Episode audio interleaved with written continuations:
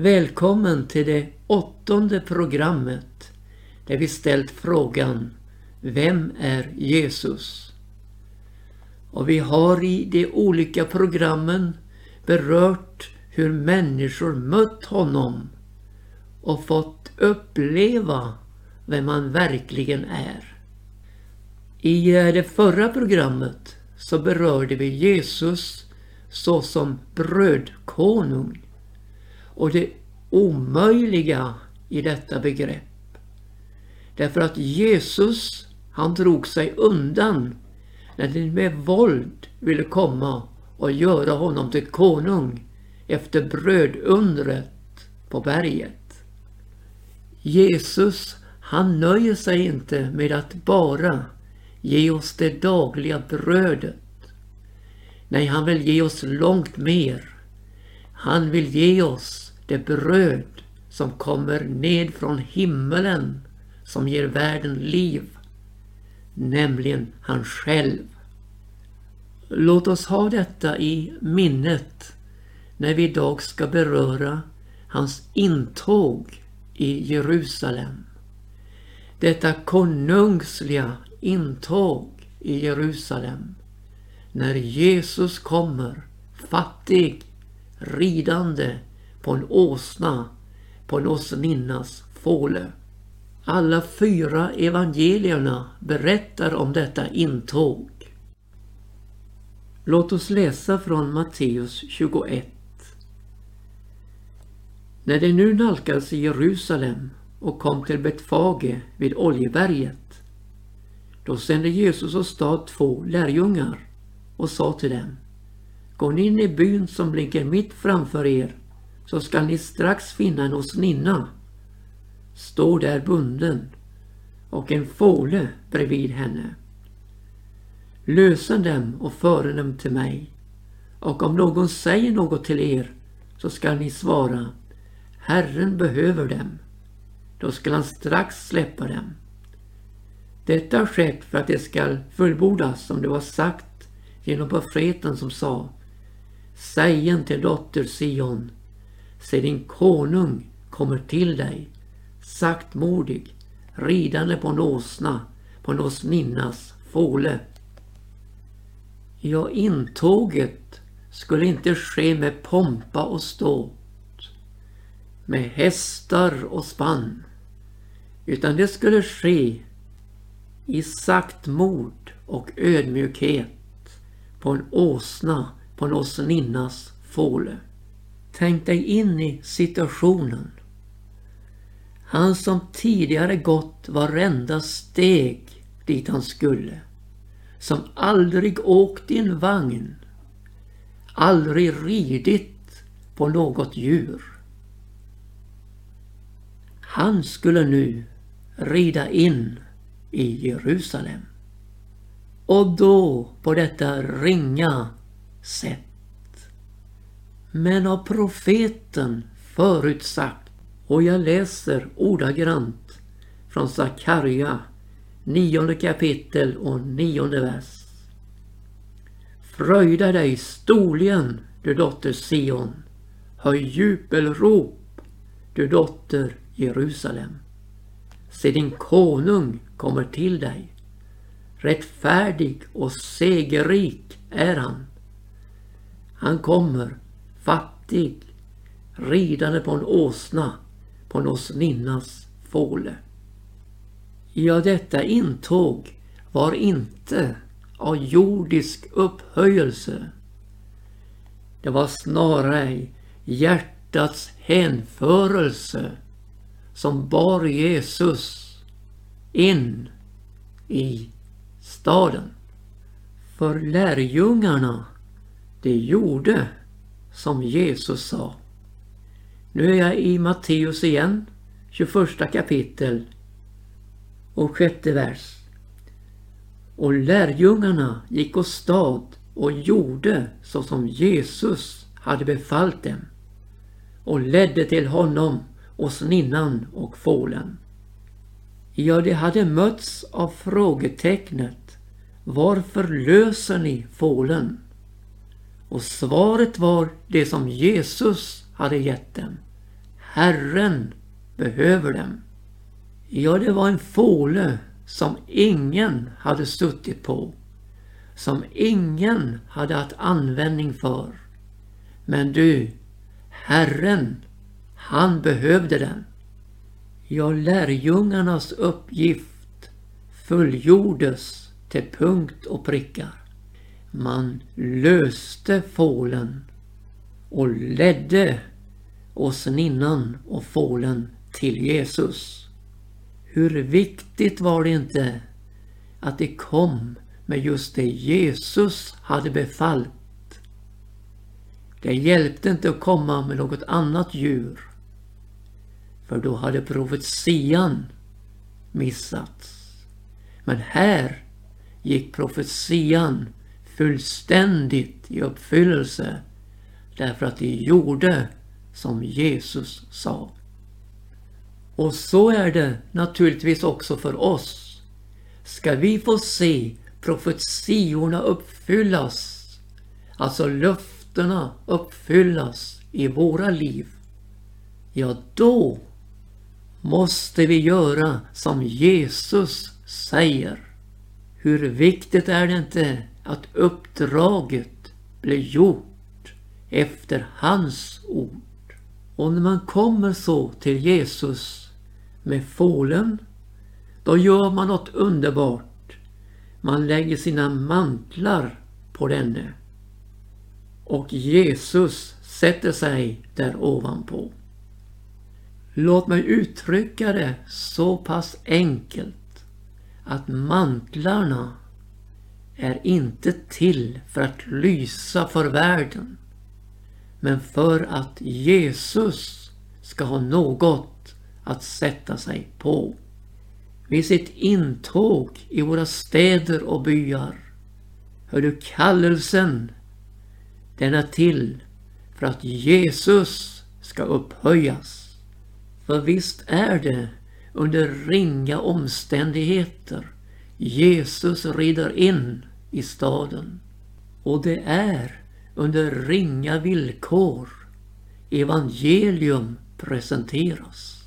Men över denna ringhet läggs kallelsens mantel för att Jesus ska bli upphöjd och kunna komma in i staden. När kallelsen kom i rätt läge hos lärjungarna då kan också folkskaran komma i rätt läge. Och det var det som hände här. Vi läser vidare i berättelsen.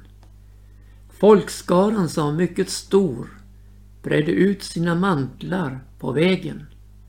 Men somliga skur och kvistar av träden och strödde på vägen.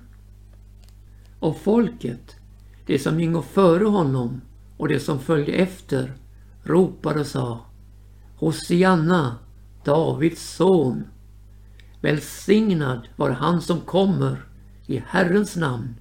Hosianna i höjden. Och nu går vi till Lukas 19 kapitel och 39 vers och får med fler detaljer. Och några fariseer som var med i folkhopen sa till honom Mästare, förbjud dina lärjungar att ropa så. Men han svarade och sa, jag säger er, om dessa tiga ska stenarna ropa. Ja, det ser ut som inget är så outhärdligt för fariseer som upphöjelsen av Jesus. Och då i synnerhet om det kommer från olärda män ur folket. Ja, från folkskarorna som inte är så insatta som fariséerna menar man ska vara. Men ser du, Jesus visste att här ligger ett profetiskt perspektiv i detta. Om dessa tiga ska stenarna ropa.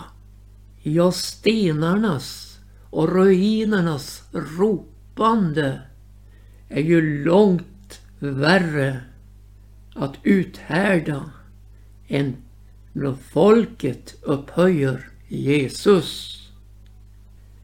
Kan du se hur det nu närmar sig Jerusalem och intåget i staden? Här kommer åsninnan med sin fåle. Och kan du tänka dig att på fålens rygg där sitter konungarnas konung och herrarnas herre och nu närmar sig staden Jerusalem. Och jag läser från Lukas 19 kapitel och 41 vers. Då han nu kom närmare och fick se staden begynte han gråta över den och sa O att du idag har insett också du vad din frid tillhör. Men nu är det fördolt för dina ögon.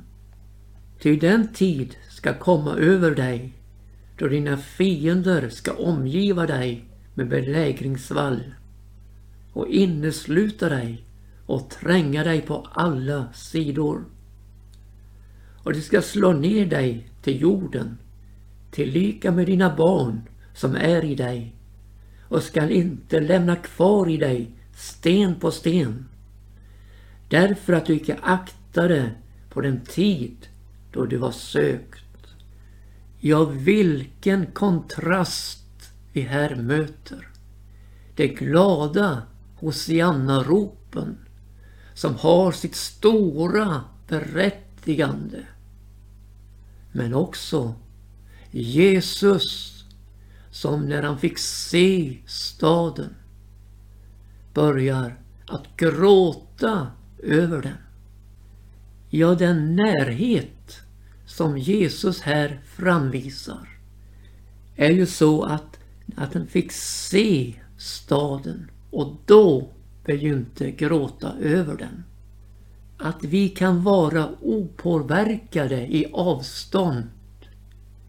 Men när vi kommer närmre och inte nog med det, få se staden. Då kommer hjärtats känslor fram och vi ser läget som det är. Jesus visste naturligtvis det här från tidernas morgon. Men du och jag, vi behöver närma oss för att känna allvaret. ja kunna se det som det är. Och här tror jag det ligger en lärdom för oss, för dig och mig. För visst kan vi sitta i avstånd och njuta solen och den friska luften. Men när vi kommer närmre och ser hur allvarligt läget är, ja då då kommer hjärtats känslor fram. Nu kan man inte begära av människorna här att de ska slå om och börja gråta. Men du och jag som har hela berättelsen, vi måste ta med omfånget från jubelropen, de berättigade jubelropen, Hosianna-ropen till gråten över staden. O, oh, att du hade insett också du vad din frid tillhör. Men nu är det fördolt för dina ögon. Och så fortsätter Jesus. Ty den tid ska komma över dig då dina fiender ska omgiva dig med belägringsvall och innesluta dig och tränga dig på alla sidor. Och det ska slå ner dig till jorden, tillika med dina barn som är i dig, och skall icke lämna kvar i dig sten på sten. Ja, stenarna skulle komma att ropa. Och Jesus uppenbarar anledningen till detta förödelse för oss. Han säger Därför att du icke aktade på den tid då det var sökt. Sökningstiden är den mest dyrbara tid i en människas liv. Så är det också med en stad. När Gud söker människorna, ja då är tiden oerhört dyrbar. Söker han inte alltid? Jo, han söker alltid efter öppna hjärtan. Men däremot finns det ju tider då Gud på ett speciellt sätt låter väckelserna komma över städer och byar. Och då är det oerhört viktigt att man tar ställning för Jesus och inser vad ens frid tillhör. Ja, Jesus säger min frid ger jag er, icke ger jag er den som världen ger. Och vi förstår något av djupet emellan dessa ting. Den frid som världen ger, som drar ner människan i sömn och död. Och den frid som Jesus ger, som upprättar människan och ger liv, ja evigt liv. Här förstår du finns ett kors emellan, rest på Golgata, där Jesus Kristus offrar sig själv för våra synder. Här passerar man inte obehindrat från det ena till det andra. Utan här vill det till en avgörelse, en omvändelse till Jesus Kristus och låta sökningstiden bli till det den var ämnad till. Ett möte av förvandling med Jesus. Tänk dig den eviges tårar, Jesu tårar som gråter här över den obotfärdige, som gråter över staden som inte har velat ta emot honom. O min vän, han behöver väl inte gråta över dig. Du tillhör väl dem som tagit vara på kallelsen, som tagit vara på din sökningstid, som har funnit ut av vad din frid tillhör. Vem är Jesus? Jo, han är vår frid och ingen annan. När han nu drog in i staden så kom hela stan i rörelse och man frågade Vem är denne? Och folket sa Det är Jesus, profeten från Nasaret i Galileen. Och här skedde något minst sagt utöver det vanliga. Växlarna och duvomånglarna hade kunnat sätta upp sina bord utan problem i åratal. Men nu kommer Jesus och han stöter omkull allt sammans och säger Mitt hus ska vara ett bönehus för alla folk. Men ni har gjort det till en rövarkula. Och så händer det underbara.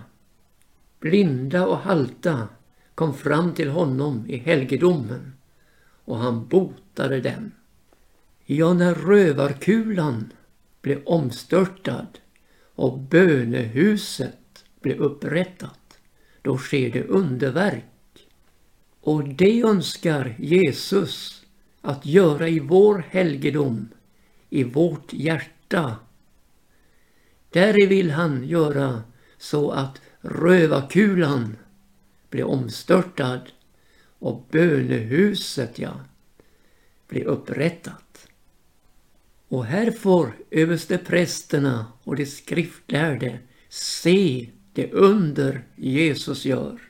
Och de får se mer. De får se barnen i helgedomen som ropar Hosianna, Davids son. Och var fariseerna illa berörda av lovprisningen från Jesu lärjungar när de drog in i staden. Så står inte här översteprästerna och de skriftlärde efter. Därför tryter dem när de hör barnen. Och de säger till Jesus, hör du vad dessa säga? Ja, de proklamerade ju Jesus som konung. Och tänk att få höra detta från barnaläppar och från barnahjärtan. Ja, då må man ha ett stenhjärta om man inte berörs. De får också svar på tal av Jesus. Han säger till dem, jag har ni inte läst? Av barns och spenabarns mun har du berett dig lov. Och så refererar han till salmen som säger Av barns och spenabarns mun har du upprättat en makt till att nedslå fienden och den hämndgirige. Ja, du förstår, det ligger en oerhörd makt i dessa barnaläppars bekännelse av Jesus. För fienden och den hämndgirige påverkas inte av rövarkulans verksamhet. Men när bönehuset upprättas och barnen får inta sin plats och lova Herren, ja då är saken förändrad. I den atmosfären kan sjuka bli helade. I den atmosfären kan underverk ske i Jesu namn.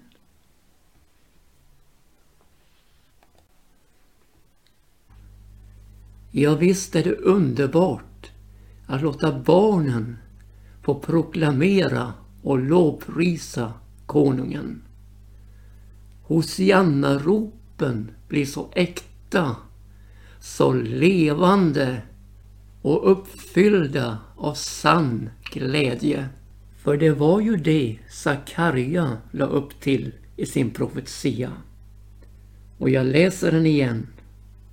Fröjda dig storligen, du dotter Sion. Hör jubelrop, du dotter Jerusalem. Se din konung kommer till dig. Rättfärdig och segerrik är han. Han kommer fattig, ridande på en åsna, på en åsninnas fåle. Och så fortsätter han med framtidsperspektivet. Och jag läser vidare. Så ska jag utrota vagnar, Efraim, och hästar ur Jerusalem.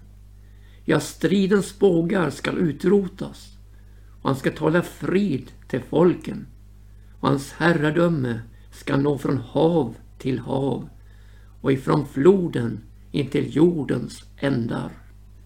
Ja, ridån dras bort och vi får skåda in i tusenårsrikets härlighet med Jesus såsom konung. Men han fortsätter sin profetia och säger För ditt förbundsblods skull vill jag också släppa dina fångar fria ur gropen där intet vatten finnes. Och så kan vi också i denna profetia ana och förstå blodets betydelse, förbundsblodets betydelse, det nya förbundet i Jesu blod. Där han släpper fångarna fria ur gropen där intet vatten finnes. För det var ju så vet du att vid Jesu kors hade Pilatus låtit uppsätta en överskrift som hette Jesus från Nasaret, judarnas konung. Som var avfattad på tre språk. Hebreiska, latin och grekiska. Och man säger till Pilatus, skriv inte judarnas konung, utan skriv Säg att han har sagt sig vara judarnas konung. Men Pilatus, han säger, vad jag har skrivit, det har jag skrivit. Tänk Pilatus fick proklamera på de tre dåtida världsspråken Jesus såsom konung. Visserligen som judarnas konung. Men det kommer också en dag för Pilatus då han får böja knä för konungen. För för Jesus skall alla knän böjas och alla tungor ska bekänna Gud Fadern till ära att Jesus Kristus är Herre. En annan som också fick göra en märklig profetisk förutsägelse var översteprästen Kaifas som sa så här. Det är bättre att en man dör för folket än att hela folket förgås. Ja, konungen offrar sig för folket och för hela världen för att det ska bli möjligt att genom tron på honom bli frälst och få syndernas förlåtelse och uppleva evigt liv i honom.